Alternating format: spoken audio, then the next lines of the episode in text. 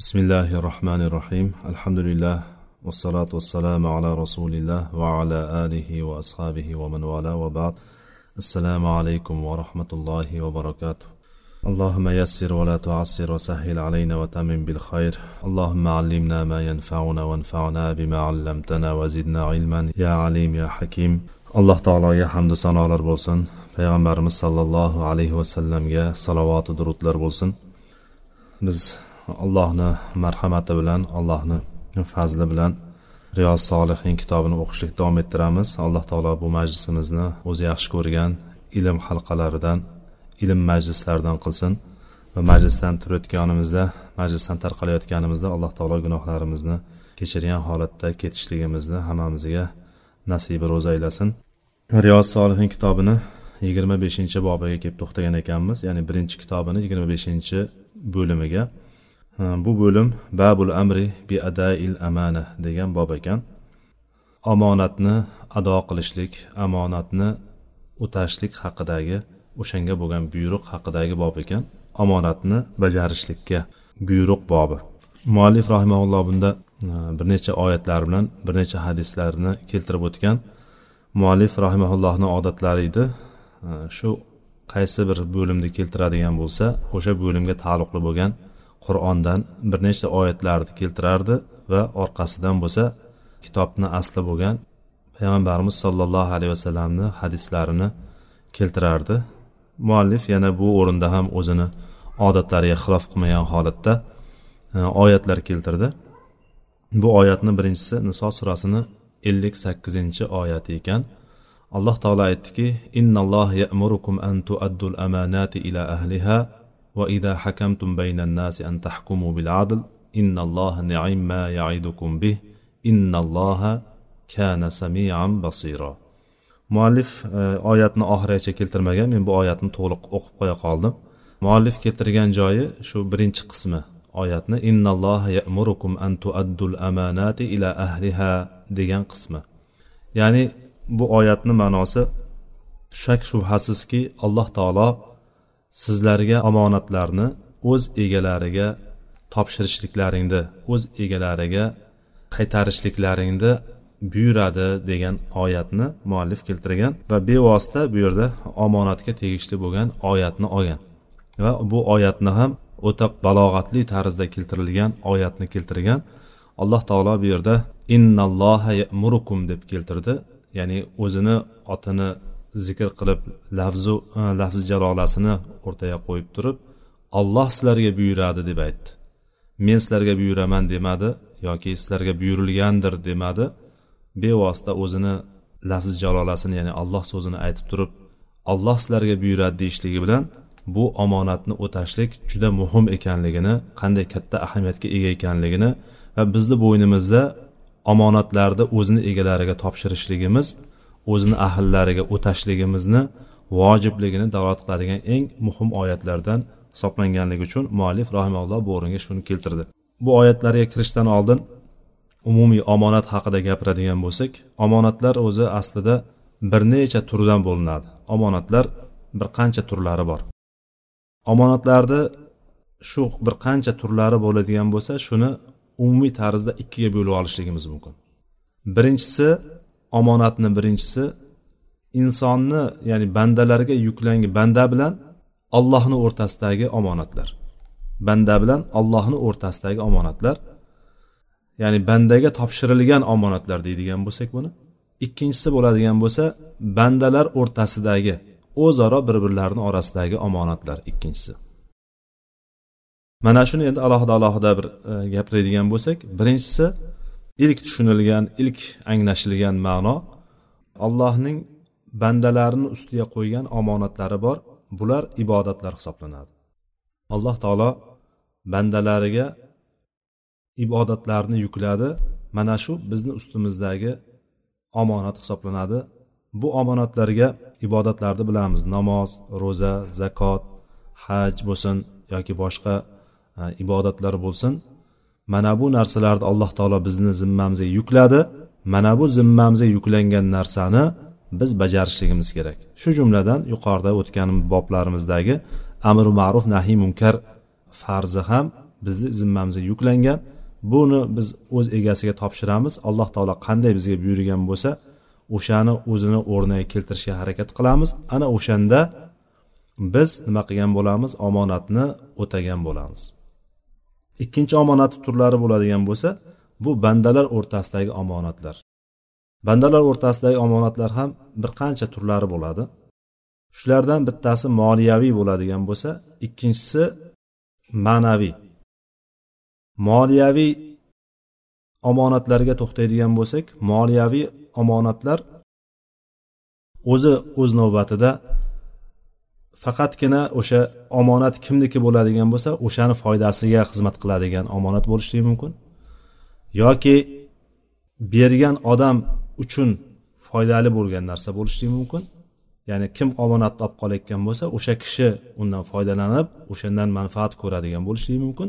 Va uchinchisi bo'ladigan bo'lsa ikkala taraf ham foyda ko'radigan omonatlarga bo'linishi mumkin.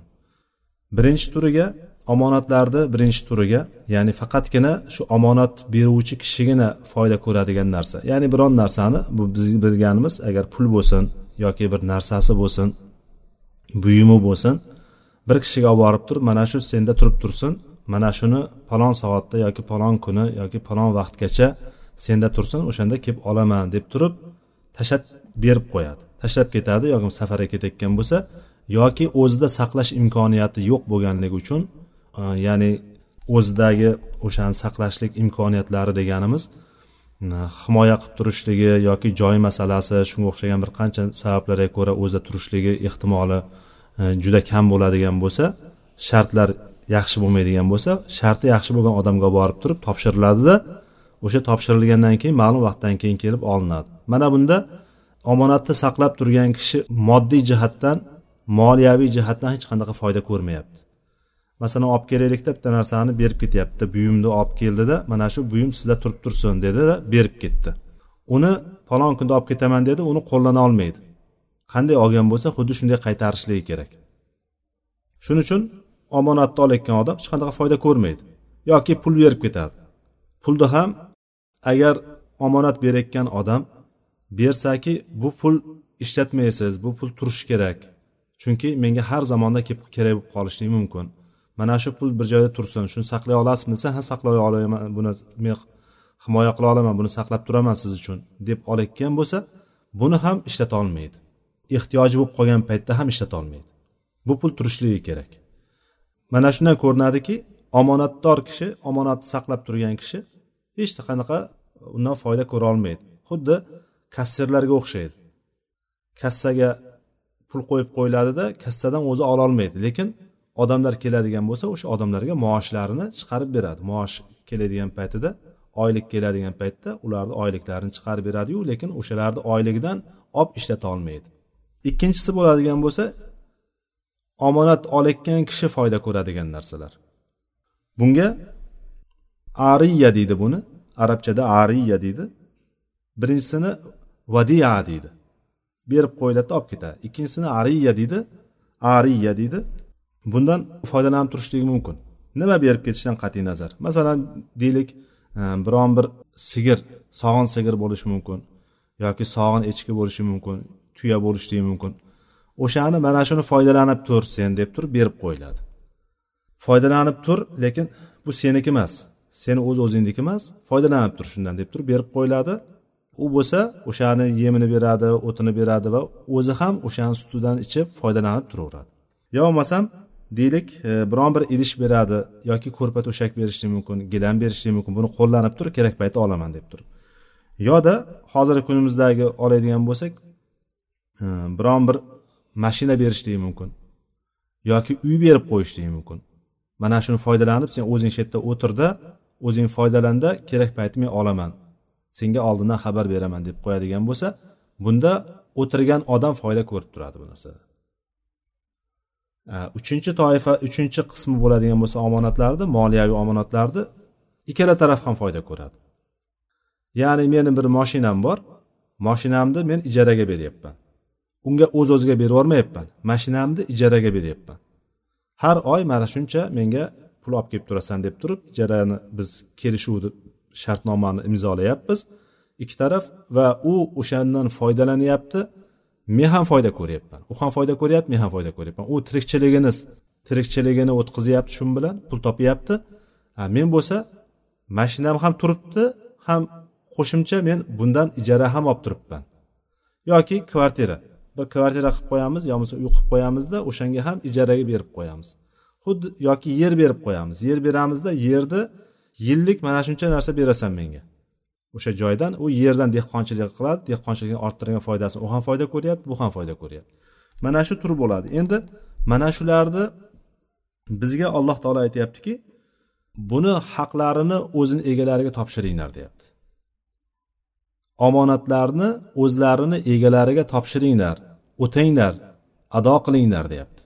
Mana shu ado qilishlikni bizga buyruq bo'ldi. Mana shu suratdagi kelgan narsalarni hammasini biz omonatlarni egasiga topshirishligimiz kerak. Yana bir turi bo'ladigan bo'lsa omonatni bu vazifalarda mansablarda bo'ladigan omonatlar. Alloh taolo kimgadir mana shu vazifalarga ya'ni ummatni boshqaruv vazifalariga rahbarlik qilish vazifalarini alloh taolo ularga berdi. Mana shu mansablarda ular faqat mansabparastlik bilan mansabga yetib olib turib odamlarni qon qaqshatib odamlarni aldab ulardan foyda ko'rishlik emas. Balki ularni o'zlarini ustiga tushgan vazifalarni o'tashligi kerak bo'ladi. Birinchidan ularni xalqni ham diniy ham dunyoviy foydalarni ko'zlab turib o'sha yerda ishlarni qilishib ishlarni siyosatni yurg'izish kerak iqtisodni yurg'izish kerak mana shu vazifalar tushadi. Agar bu ummatni ustiga tushadigan ummatni tepasida turadigan katta kishilar bo'ladigan bo'lsa eng katta omonatlardan bittasi hisoblanadi. Undan pastroqdagilar bo'ladigan bo'lsa vazirlar bor hokimlar bor raislar bor. Bularni ham o'ziga yarasha har bittasini omonati bor yuza ustida. Shuning uchun payg'ambarimiz sollallohu alayhi vasallamdan kelgan hadisda har birlaring boshliqdirsizlar har birlaring u yerda roi deb keladi. Roi degani cho'pon degan. Bir podani haydab yuruvchi cho'ponsizlar ya'ni bu yerda rahbardirsizlar. Har birini qo'lini ostidagidan so'ralasizlar deb turib payg'ambarimiz sallallohu alayhi vasallam xabar berganlar buni. Har bir kishi so'raladi. Qo'lni ostidagilardan so'raladi. Eng tepada keladigan mana shu ummatni ishi uni qo'lida turgan kishidan boshlab turib pastga qarab tushib kelaveradi. Hatto eng oxirida erkak kishi oilada rahbar hisoblanadi. Oiladagilardan so'raladi ertaga. Xotinidan bola chaqasidan ularni nafaqalariyu ham ma'naviy jihatdan ham tarbiya jihatdan hamma tomonidan ertaga qiyomat kunida u so'raladi. Xuddi shuningdek undan keyingi bitta pastga tushadigan vazifa ayollar. Ayollar erini uyidagi narsalarga omonatdor hisoblanadi. Ular ham qo'lini ostida nimalar bo'ladigan bo'lsa ular ham so'raladi. Mol mulkni to'g'ri ishlatyaptimi? Bolalariga to'g'ri tarbiya beryaptimi? Vaqtlarini to'g'ri o'rinlarga ishlatyaptimi? Mana bularni hammasi ertaga qiyomatda so'raladigan narsalar. Bular ham omonat. Hattoki xizmatkorga ham tushyapti o'sha yerda o'sha hadisda xizmatkorni ham o'rni bor xizmatkor ham omonatdor hisoblanadi. U ham omonatni egasiga topshirishligi kerak. Xizmatkorga ham yuklangan narsa bo'ladi aytilgan ishlar bo'ladi. O'sha ishlarni qilishligi bilan u ham nima qilishi kerak bo'ladi? U ham omonatni bajarishligi kerak bo'ladi. Ular ham har bittasi o'zini omonatini topshirishligi kerak bo'ladi. Yana omonatni bir turlaridan hisoblanadi. Endi ma'naviy jihatdan deb aytsak bo'ladigan bir omonatni turlari borki bular insonlar ba'zi bir insonlarni yonida gaplashadi o'sha gaplarini omonat qiladi. Ba'zilar odat qolganki bizni o'rtamizda shu ko'proq shunaqa holatlar bo'ladiki o'zi hamma joyga borib aytaveradi gapini lekin har bir ko'rgan odamiga omonat deb aytadi. Nechta odam bilan ko'rishsa sizga hamma narsani oqizmay tomizmay aytadida keyin sizga omonat deb turib yoningizdagi qo'shningizga ham ya'ni kerak bo'lsa bitta oilada bo'ladigan bo'lsangiz akangizga ham ukangizga ham opangizga ham singizni hammasiga bittadan aytib chiqib turib hammasiga omonat qilib ketadi. Bu ham yaxshi odat emas aslida. Aytmaydigan gapni aytmaslik kerak. Omonat deb turib odamlardan saqlashlikni xohlaydigan narsalar bo'ladigan bo'lsa odamlarni bilishligi kerak emas hamma odamni bilishligi emas. Ma'lum bir xos odamlardan ba'zi bir maslahat tarzida bir narsani aytmoqchi bo'ladigan bo'lsa ana ularga aytishlik kerak. Aytgandan keyin omonat qilib qo'ysa bo'ladi uni lekin biz bilamiz o'shani og'zida gap turmasligini. Ba'zilar shu haqiqatdan gapni saqlay olmaydi. Aytilgan gapni aytmasa turolmaydida shu. Kimgadir borib aytadida ichini yorib solgandan keyin bir rohatlanadi. Oh qutuldim deydi shu narsadan. Shuning uchun shunaqa tabiat bilan bilgan odamlarga bu ayollarni o'rtasida keng tarqalgan narsa. Ayollarni og'zida gap turishligi o'zi muammo narsa. Lekin shunday bo'lishiga qaramasdan turib yana borib turib unisiga ham bunisiga ham aytaveradi. Mana bu narsadan birinchidan omonatlarni xiyonat qilib qo'yishligiga sabab bo'lishlikka sabab bo'lib qolishligi mumkin. Bu odam borib turib bunga ham aytib unga ham aytib unga ham aytib va o'zi ayollarda og'zi sal bo'shroqligini bilgan holatda ham yana borib turib o'sha unga borib turib aytishligi uni bilib bilib uni gunohga qo'yayotgan holatga sabab bo'lib qolishligi mumkin. Chunki biz yomonlik yo'llarida emas yaxshilik yo'llarida bir birimizga yordamchi bo'lishligimiz kerak. Asosiy narsa nima ekan? Va taavanu alal birri va taqvo bir va taqvo yo'llarida bir birimizga yordam berishligimiz kerak. Ha ho'p endi omonat ekan. Omonat bo'ladigan bo'lsa omonat deb aytib qo'yishlik kerak bo'ladi. Bu har bir gapda emas. Hamma biladigan gapni omonat qilib ketishlik bu ham to'g'ri narsa emas. Biz qayerda nima qilishligimizni bilishimiz kerak. Hadisda keladiki payg'ambar sallallohu alayhi vasallam aytadiki senga bittasi gapirsada bir narsani aytsada atrofga alanglab qo'ysa atrofga qarab qarab qo'yadiki sen gapirayotgan bo'lsa hatto uni omonat demasa ham bilginki mana shu narsa omonat deyiladi. Payg'ambarimiz sallallohu alayhi vasallamdan kelgan hadis. Shuning uchun ulamolar aytishadiki kim senga bitta narsani gapiradigan bo'lsa atrofga hech kim eshitmayaptimikan hech kim yo'qmikan deb atrofga qarab qo'yadigan bo'lsa deydi bu nima bo'ladi deydi bu omonat hisoblanadi senga deydi demak o'sha gapni saqlashlik o'sha omonatni himoya qilishlik hech kimga aytmaslik kerak bo'lsa aytmaslik yoki palonchi kelganda shunga yetkazib qo'y deydigan bo'lsa o'shanga yetkazib qo'yishlik mana bu narsa omonat hisoblanadi. Bu omonatlar ertaga qiyomatda bizdan so'raladigan eng katta narsalar hisoblanadi. Yana shu omonatlar jumlasiga kiradigan bu er xotin oila masalalari er xotin oila masalalari. Bu masalalarda biz juda hassos bo'lishligimiz kerak juda bir ehtiyotkor bo'lib harakat qilishligimiz kerak. Er xotinni xotin erni ayblarini ko'chaga tashishligi kerak emas. Eng oxirgi holatlarda bo'lmay ketganda bir domlaga borib turib o'shanda aytgan taqdirda ham ertaga o'zini yuzi shuvut bo'lib qolishligi kerak bo'lmasligi kerak bunda. Ya'ni ertaga yana o'shan bilan yashaydi o'sha er bilan ertaga yashaydi baribir. Ana o'shanda har ko'rganda yuziga qanday qilib turib qarashligini ham bir o'ylashligi kerak bo'ladi. Bu omonatlar alloh taolo shunaqa bir omonatlarni qo'yib qo'ydiki bu oila masalalarida er xotindan boshqa hech kim bilmaydigan bir masalalar bor. Oddiy hayotimizdagi bo'layotgan narsalardan tortib to ko'rpa to'shak sirlariga davr boradigan narsalar bor. Mana bu narsalar bizga katta eng katta omonatlar hisoblanadi.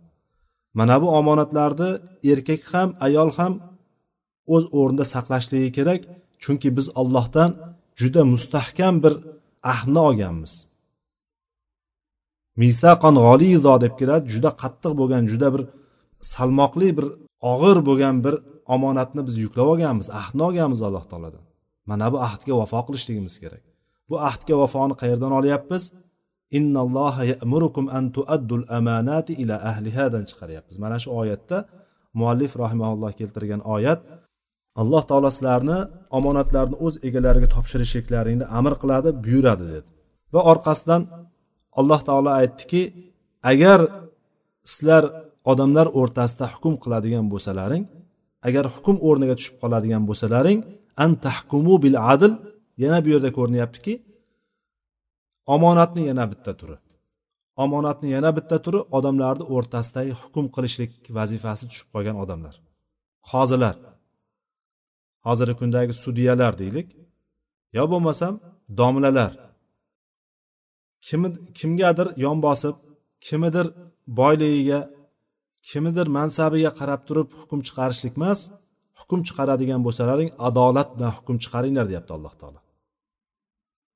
Buni orqasidan alloh taolo aytyaptiki innalloha ni'imma yaizukum bih deyapti.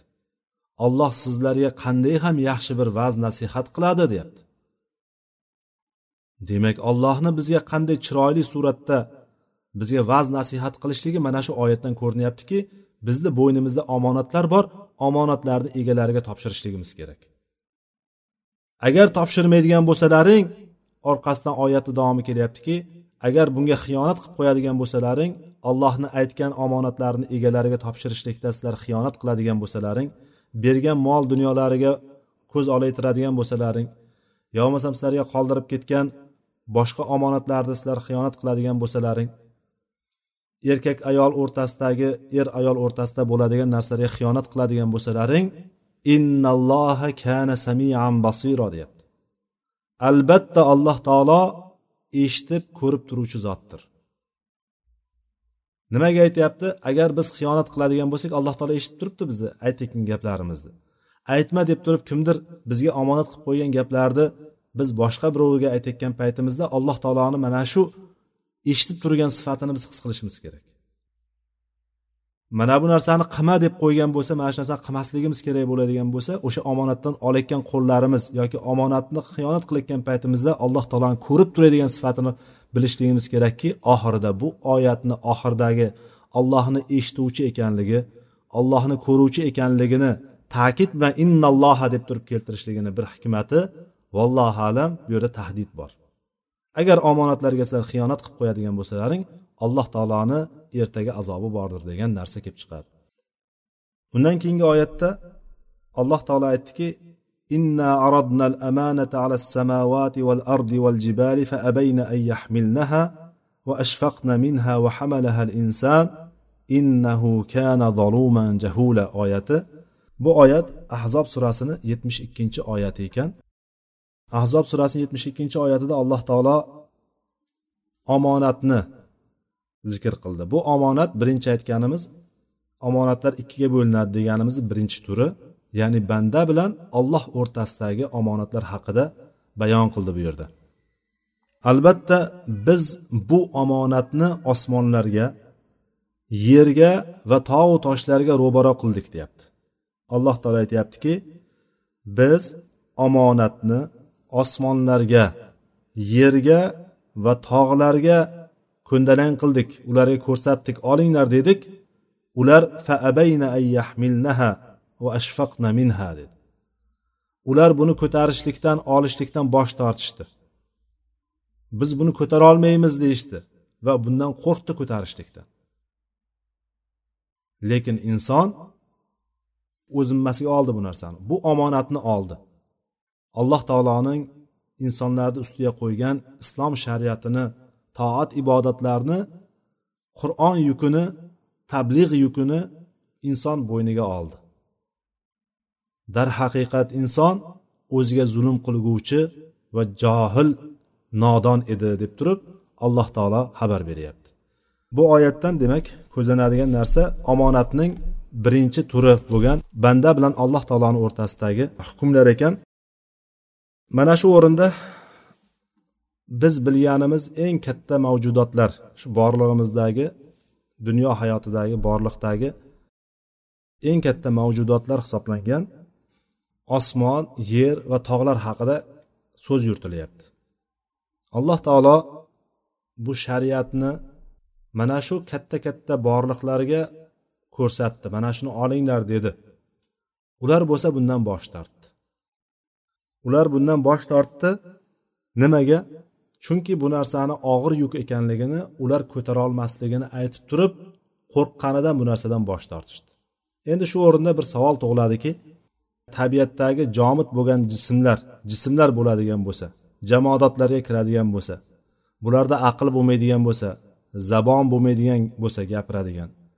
Bular qanday qilib turib alloh taolo bularga mana shu yukni yuklashlikni taklif qiluvdi? Ular buni qabul qilmadi bu omonatni.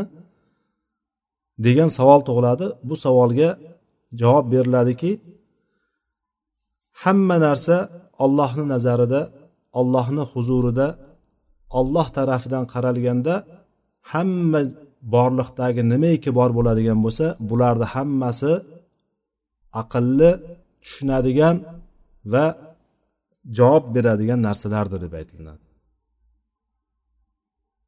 bunga boshqa oyatlarda ham dalillar keladi.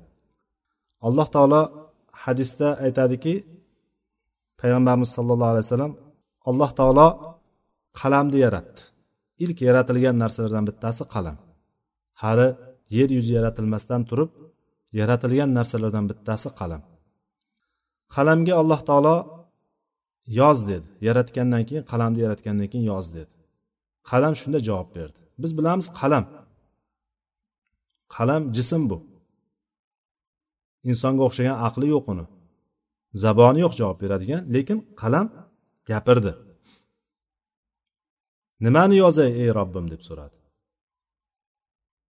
Chunki buyruq mujmal bo'lgandi. Yoz degandi nimani yozishligini unga xabari berilmaganligi uchun nimani yozay deb so'raganda alloh taolo aytdiki hamma bo'lib bo'ladigan narsalarni qiyomat kunigacha bo'lib o'tadigan narsalarni hammasini bir chekkadan yoz dedi qalam o'shanda hammasini yozdi dedi ya'ni bu ilk yaratilgan narsalarda bo'lib o'tgan e, voqealar. Bu hadis sahih hadis. Termiziy rivoyatida kelgan tayolisiyni rivoyatlarida kelgan marfu hadis. Mana shunga ko'ra demak qalam nima qilyapti? Javob beryapti. Qalam javob berdi. Alloh taologa gapirdi. Mana shundan bu hadisdan oldik. Boshqa bir oyatda bo'ladigan bo'lsa alloh taolo osmon yerlarga itoat qilishlikni buyuradi. Ular itoat qildik deb turib aytishadi. Alloh taolo osmonlarga yuzlanib ularni hammasiga qarab turib va yerga qarab turib menga itoat qilinglar bo'ysuninglar degan paytda ular qolata atayna toiin deydi. Biz senga bo'ysungan holatda keldik deydi. Yer osmon shunaqa deb javob beradi. Bu yerda ham yer osmon gapiryaptimi? Gapiryapti. Boshqa bir oyatda ya'ni odamlarga o'xshamayapti bu yerda. Odamlarni ba'zi bir osiylari bo'ldiki itoat qilinglar degan paytda ular samyana va asoyna deyishgandi. Biz eshitdikda itoat qilmadik dedi. Biz itoatsizmiz itoat qilmaymiz deb aytishdi. Lekin osmon yer allohga itoat qildi. Boshqa bir oyatda bo'ladigan bo'lsa alloh taolo insonlarni qalblarini qattiq bo'lib ketganligi haqida xabar beradi. Insonlarni qalbini qanchalik qattiq bo'lib ketganligini hatto toshlardan ham qattiq bo'lib ketdi deb turib aytadida va orqasidan toshlarni qanday holatda ekanliklarini xabarini beradi. Toshlardan ba'zilari bor ular o'zlaridan suv chiqaradi yoriladida suv chiqadi ba'zilaridan oralaridan suv anhorlar oqadi ba'zilari bo'ladigan bo'lsa ollohdan qo'rqqanidan o'z o'rnidan qulaydi deb keladi.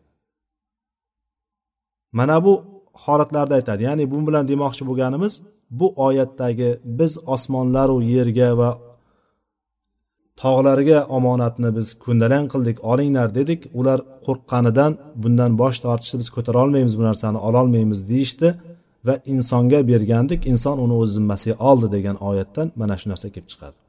Demak qolgan narsalar allohga nisbatan hammasi nima ekan? Aqlli va tushunadigan narsalar hisoblanadi ekan allohga nisbatan. Lekin bizga nisbatan jism hisoblanadi ular gapirmaydi ular joyida turadigan narsalar. Mana shu omonat nima edi? Bu omonat katta bir omonat shariati islomiya edi ibodatlar edi. Inson buni o'zini zimmasiga oldi. Endi oyatni davomida bo'ladigan bo'lsa innahu kana zaluman jahula degan qismi bor. Albatta inson zolim va johil nodon edi degan narsa kelib chiqyapti aytilyapti. Oyatda bundan olimlarni ixtilofi bor. Bu zolim va johil bo'lgan kishi kishi kim? deganda ba'zi bir olimlar mufassir olimlardan ba'zilari aytishganki bu kishi kofirlardir. Kofirlar zulm qilguvchi o'zini nafsiga zulm qilguvchi va nodon kimsalardir deb aytgan. Ba'zilari bo'lsa yo'q bunga hamma kirib ketadi. Hamma kirib ketadi. Mo'minu kofir hammasi kirib ketadi lekin bu insonni asli fitrati jihatidan gapirilgan narsa deydi. Insonni asli shunaqa qilib yaratilgan inson asliga qo'yiladigan bo'lsa insonni asli o'zini nafsiga zulm qiluvchi va nodon edi lekin bu omonatni shariat omonatini toat ibodat omonatini o'zini yuki ustiga yuklagan kishi bu johillikdan bu nodonlikdan chiqadi deydi. Bular mo'minlar hisoblanadi. Allohni bergan omonatini ustiga yuklagan kishi bu nodonlikdan o'zini nafsiga zulm qilishlikdan chiqadi deb aytishadi. Vallohu alam e, bu olimlarni fikrida insonni tabiati asl tabiati mana shunday o'zini o'ziga zulm qiluvchi nodon johil ekanligi vallohu alam yaqinroq ma'no bo'lsa kerak. Mana shunday ya'ni bu yerda omonatni bir ko'rinishi zikr qilindi. Inson bu omonatni ko'tarib olibdi bu omonatni endi yuqoridagi birinchi oyatga qaytaradigan bo'lsak inson buni o'tashligi kerak. Biz o'zimizni zimmamizga tushgan omonatni bajarishligimiz kerak. Imom navaviy hadis keltirdi ikki yuz to'rtinchi hadis ekan. an abu hurayra roziyallohu anhu anna rasululloh sollallohu alayhi vasallam qol ayatul munafiqi salasun إذا حدث كذب وإذا وعد أخلف وإذا اؤتمن خان متفق عليه وفي رواية وإن صام وصلى وزعم أنه مسلم degan ekanlar abu hurayra roziyallohu anhudan rivoyat qilindi payg'ambarimiz sallallohu alayhi vasallam aytdilar munofiqning belgisi uchtadir Munofiqning belgisi alomati uchtadir. Birinchisi ida haddasa kazaba. Gapirsa yolg'on gapiradi. Va ida vaada axlafa ikkinchisi agar va'da bersa kimgadir va'da beradigan bo'lsa va'dasiga xilof qiladi. Va'dasida turmaydi. Uchinchi sifati va ida tumina xona agar unga bir omonat beriladigan bo'lsa omonat topshiriladigan bo'lsa omonatga xiyonat qiladi dedilar. E, muttafaqun alayhi hadis. Boshqa bir rivoyatda bo'ladigan bo'lsa shu hadisni boshqa bir rivoyatida agarchi u ro'za tutib namoz o'qib yursa ham odamlar uni musulmon deb o'ylasa ham deb aytganlar payg'ambar sallallohu alayhi vasallam. Demak munofiq degani biz bilganimiz munofiq degani namozlarda zoya qiladigan namoz o'qimasdan yuradigan to'g'ri bu sifatlari bor. Lekin tashqi ko'rinishdan namoz o'qib ro'za tutib namoz o'qib yursa ham odamlar uni musulmon deb gumon qilsa ham u munofiqdir deb aytgan ekanlar payg'ambar sallallohu alayhi vasallam. Mana shu hadisni e, imom navaviy bu o'ringa keltirdi.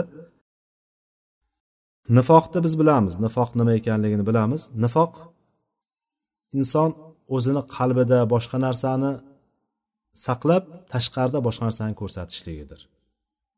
Ya'ni ichida o'zini kufrini saqlab turib tashqarida o'zini musulmon qilib ko'rsatishlikdir. Bu islomni avvalida bo'lmagan. Islomni avvalida munofiqlar bo'lmagan. Makka davrida munofiq bo'lmagan desak bo'ladi. U yerda jamiyat ochiq oydin ikkiga ayrilgandi. Bir qismi kofir mushrik bir qismi musulmon bo'lgandi va musulmonlar soni juda oz edi. O'n uch yil makka davrida yetmish sakson kishi atrofida bo'lgan musulmonlar soni. O'n uch yil davomida payg'ambar sallallohu alayhi vasallam boshida sirriy da'vat qildi keyin oshkora da'vat qildi. Mana bu da'vatlar natijasida makkada yetmish saksonta atrofida musulmon bo'ldi. Bu musulmonlar islomni poydevorlari edi. Keyin hijrat boshlandi. Hijrat boshlangandan keyin hijratda u yerda madinada musulmonlar soni ortdi islomiy davlat qurildi va birinchi jang bo'lgan eng katta janglardan bo'lgan payg'ambarimiz sollallohu alayhi vasallamni o'zlari ham ishtirok etgan jang bu badr jangi bo'lgandi. Badr jangida musulmonlar g'olib keldi va musulmonlarni shavkati qudrati ko'rilgandan keyin ana unda endi buyoqda yurgan shu paytgacha musulmon emas bo'lib yurganlar endi o'zini islomdan bir foyda olaman degan maqsadda ichida kufrini saqlab turib tashqarida musulmon qilib ko'rsatib boshlashdi. O'sha paytlar shunaqa bo'ldi.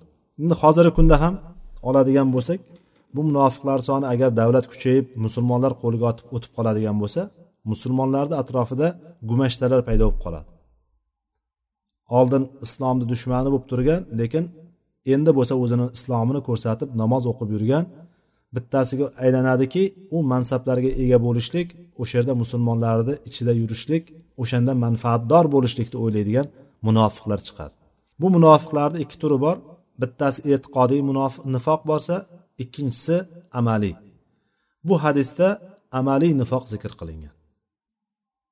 Amaliy deganimiz qilayotgan ishlari munofiqni ishlari ekanligi zikr qilingan. Lekin bu munofiqni qilayotgan ishlari tashqi tarafdan ko'rinib turadigan munofiqni ishlari bo'ladigan bo'lsa bularni e'tiqodiy nifoqqa olib borishligi ehtimoli katta bo'ladi. Shuning uchun bu hadisdan oladigan eng asosiy foydalarimizdan bittasi kimda mana shu nifoq alomatlarini birontasi munofiqni alomatlarini birontasi bo'ladigan bo'lsa o'shani o'zidan birinchi ketqazishlikka harakat qilishlik kerak. Ikkinchisi kimda o'sha birodar qaysi bir birodarida o'sha sifatni ko'rib qoladigan bo'lsa uni ogohlantirishligi kerak. Chunki e'tiqodiy nifoqqa kirib qoladigan bo'lsa inson qalbidagi inkorga qalbidagi kufr nifoq qalbiga kirib qoladigan bo'lsa uni fi darkil asfali minannar do'zaxni eng tubida bo'lishligini alloh taolo qur'onda va'da qilgan. Va baqara surasini ham boshidan o'qiydigan bo'lsak boshida bir beshta oyatda to'rtta beshta oyatda muttaqinlarni haqiqiy mo'minlarni sifatlari zikr qilgan alloh taolo. Undan keyin bir ikkita oyatda kofirlarni sifatini zikr qilgan undan keyingi o'nta o'n beshta oyatda bo'ladigan bo'lsa munofiqlarni holatini zikr qilgan alloh taolo. Ya'ni bularni oyatlarni sifatlarini zikr qilishlikda nimaga munofiqlarga bunaqa ko'p oyatlarni oyatlarda zikr qildi alloh taolo? Ularni holatlari hammaga ma'lum bo'lishligini aytishlik uchun. Ularni holatlari qanaqa ekanligini bildirishlik uchun. Amaliy nifoqi bo'lgan kishilar masalan ba'zi bir aslida iymoni bor lekin nifoq alomatlari bo'lgan kishilar bular ertaga o'sha nifoq alomatlari bilan bular so'raladi javob beradi. Hadislarda keladi hamma o'zini anavlariga ergashib ketib qolgan paytda ketinglar sizlar kimga ibodat qilgan bo'lsalaring deganda hamma ergashib ketib qolganda musulmonlarni ichida munofiqlar ham qolib ketadi oxirida. Musulmonlarni ichida munofiqlar ham qolib ketadi. Boshqa bir hadisda musulmonlar bilan munofiqlar aralashib qolgan paytda yavma yukshafu an saqi va yudauna ila sujudi fala yastati'un oyatidagi o'sha kunda alloh taoloni parda ochiladi alloh taolodan parda ochiladi. O'sha kunda soq alloh taoloni soq degan boldir ko'rilgan paytda deb keladi. Alloh taoloni ko'rilayotgan paytda hamma sajdaga yiqiladi. Musulmonlarni hamma sajdaga yiqiladi. Lekin mana shu munofiqlar shu dunyoda riyo uchun suma uchun musulmonlarda ichi yurib kimdir ko'rsin kimdir eshitsin deb turib ibodat qilib yurganlar bo'lsa beli bukilmay qoladi deb keladi. Sajda qilolmaydi fala yastatiundan mana shular deb aytishgan mufassirlar. Ya'ni nifoq mana shunday narsa. Bu yerda zikr qilingan narsalardan bittasi demak gapirsa yolg'on gapiradi. Ya'ni siz bir odamni e, alloh taolo farosat bergan bo'lsa sizga alloh taolo sizga aql farosat bergan bo'lsa bir kishini gapini eshitganingizda uni orqasidan o'sha gapni unday emas ekanligini bilsangiz bilasizki demak bunda bir nifoqni alomati bor ekanligi. Yoki bir va'da beradi. Va'da bersa unga xilof qiladi. Unga va'dasida turmaydi. Musulmonlarni ichida hozirgi kundagi jamiyatni ichida eng keng tarqalgan narsalardan bittasi mana shu ikkita sifat. Uchinchi sifat ham yetarlicha bo'lib ketgan ya'ni bu sifatlar odamlarni ichida juda keng tarqalib ketib qoldiki odamlar bunga e'tiborsiz bo'lib qoldi. Yana bir boshqa hadisda agar yana bitta kimda to'rtta sifat bo'ladigan bo'lsa u haqiqiy qip qizil degan aytamiz qip qizil deymizku haqiqiy munofiq bo'ladi degandir payg'ambarimiz. Lekin o'sha to'rtta sifatdan bittasi bo'ladigan bo'lsa unda munofiqni bitta alomati bor deb aytganlar. Odamlar gapni eshitadida gapni orqasini surishtirmaydi. Kimdan eshitsa eshitadida o'sha gapni tashib yuradi. Hadisda payg'ambarimiz sallallohu alayhi vasallam aytganlarki kishini yolg'onchiligiga eshitgan narsasini aytaverishligi yetarli deganlar. Eshitgan narsasini gapiraverishligi uning yolg'onchiligiga kifoyadir deganlar. Siz kimdan eshityapsiz? Va yana yomon tarafi eshitasizda eshitgandan keyin unga bir narsa qo'shib gapirishligingiz bu undanda yomon narsa. Eshitgan narsangizga qo'shib gapirishligingiz ayni yolg'onni o'zi va eshitgan odamingizga nisbatan bo'xton qilayotgan narsa bo'ladi bu. Buni gunohi boshqacha bo'ladi yana. Va'da beramiz. Buni bunday qilaman buni bunday qilaman uni bunday qilaman xo'p deydi. Ya'ni yo'q deyolmaydi ba'zilar yo'q deyolmaydi shunaqa ko'ngli bo'sh tabiatan shunaqa insonlar bor yo'q deyolmaydi o'zi juda tang ahvolda bo'lsa ham yo'q deyolmaydi ishi ko'p mana shuni qilib bera olasizmi? Shuni shu yerga kelib keta olasizmi? desa xo'p deydi. Yo'q deyolmaganligi bu. Bu yoqda bu odam kutib uni xunobi xunobi chiqib kutib o'tiraveradi. Lekin bu va'dani berib qo'yib turib xilof qilib ketaveradi. Bu narsani hech e'tiborga olmaydi. Lekin bilsak bu narsa nima? Munofiqni alomati bu. Yoki boyagi aytgan to'rtta sifat bo'ladiganda mana shu uchtasi ham zikr qilingan. To'rtinchisi bo'lsa agar kim bilandir janjallashib qoladigan bo'lsa kim bilandir urushib qoladigan bo'lsa fojirlik yo'liga o'tib ketib qoladi. Sarkashlik qilib ketadi. Husumatni ja boshqacha qiladigan boshqa taraflarga o'tib ketib qoladigan yo'llariga o'tib ketib qoladi. Mana shu to'rtinchi sifati bo'ladi. Demak va'daga xilof bu mo'minni ishi emas. Buni teskarisini oling mo'minni sifati kelib chiqaveradi. Faqat rost gapiradigan bo'lsa demak mo'minni sifati va'daga aytganni aytgandek qiladigan kerak bo'lsa daqiqama daqiqa yurish kerak. Soniyama soniya. Mana shu soatda yetib kelaman desa o'sha soatda o'sha yerda bo'lishligi kerak. Kerak bo'lsa undan oldinroq bo'lishligi kerak. Chunki alloh taolo mo'minlarni maqtab aytadiki val mufuna bi ahdihim ida ahadu deydi. Ular ahdlashadigan bo'lsa bir va'dalashadigan bo'lsa va'dalariga va'dalarini ustidan chiqadigan kishilardir vafo qiladigan kishilardir deb turib alloh taolo ularni maqtaydi mo'minlarni biz o'zimizni mo'minman deb davo qilamizmi? Musulmonman deb davo qilamizmi? Qo'limizdan keladigan ishni qilaylik. O'tgan safar ham o'qidikku oyatni. Ya ayyuhalladina amanu lima taquluna ma la tafalun? Ey mo'minlar qilolmaydigan narsalaringizni nima qilasizlar? gapirib. Qilmaydigan narsalaringni gapirib nima qilasizlar? Nimaga gapirasizlar? Bu ham mana shu oyatlarga qo'shimcha bo'lib kelaveradi o'sha qo'shilib kelaveradi. Ya'ni biz va'da qildikmi va'dani ustidan chiqaylik. Bo'lmasam va'da bermaylik. Omonat. Omonat qo'yilsa xiyonat qiladi. Omonat berilsa xiyonat qilinadi. Kimlargadir ba'zi bir vazifalar topshiriladi. Kimlargadir omonatlar qo'yiladi. Lekin o'shandan xiyonat qilib qo'yadi. O'shandan ishlatadi o'shandan qiladi o'zining keragiga ishlatadi boshqa qiladi. Aldaydi mana bu demak nifoqning alomatlari. Mana shu uchinchi qismi agar omonat qo'yilsa xiyonat qiladi degan qismi mana bu bobga aloqador joyi. Imom navaviy rahimaulloh mana shu narsani keltirib o'tganlar bu o'rinda. Undan keyingi hadislarimiz uzun hadislar ekan. Inshaalloh keyingi darslarda davom ettiramiz. Allohu alam shu bilan kifoyalanamiz. Demak bizni oladigan bu oyat va hadislardan biz omonatni o'z egalariga topshirishlik deganimizda omonatlarni qanday olgan bo'lsak uni xuddi o'shanday qaytarishligimiz xoh u obro'ga tegishli bo'lsin xoh gap so'zga tegishli bo'lsin xoh moliyaviy jihatlarga tegishli bo'lsin va bularning eng kattasi bo'lgan alloh bilan o'rtamizga alloh bizga yuklagan toat ibodatlar shariat bo'lsin. Mana bu narsalarni hammasini o'z egalariga chiroyli suratda yetkazadigan bo'lsak biz iymon sifatimizni iymonimizni yanada mukammal qilgan bo'lamiz. Agar bularga biz qancha bo'shashadigan bo'lsak qancha bee'tibor bo'ladigan bo'lsak bu iymonimizni shunchalik zaifligini ko'rsatadi. Mana bu munofiqni alomatlarida ham agar gapirsa ba'zan yolg'on gapirib qo'yadigan kishi demak buni iymoni zaif kishi bo'ladi.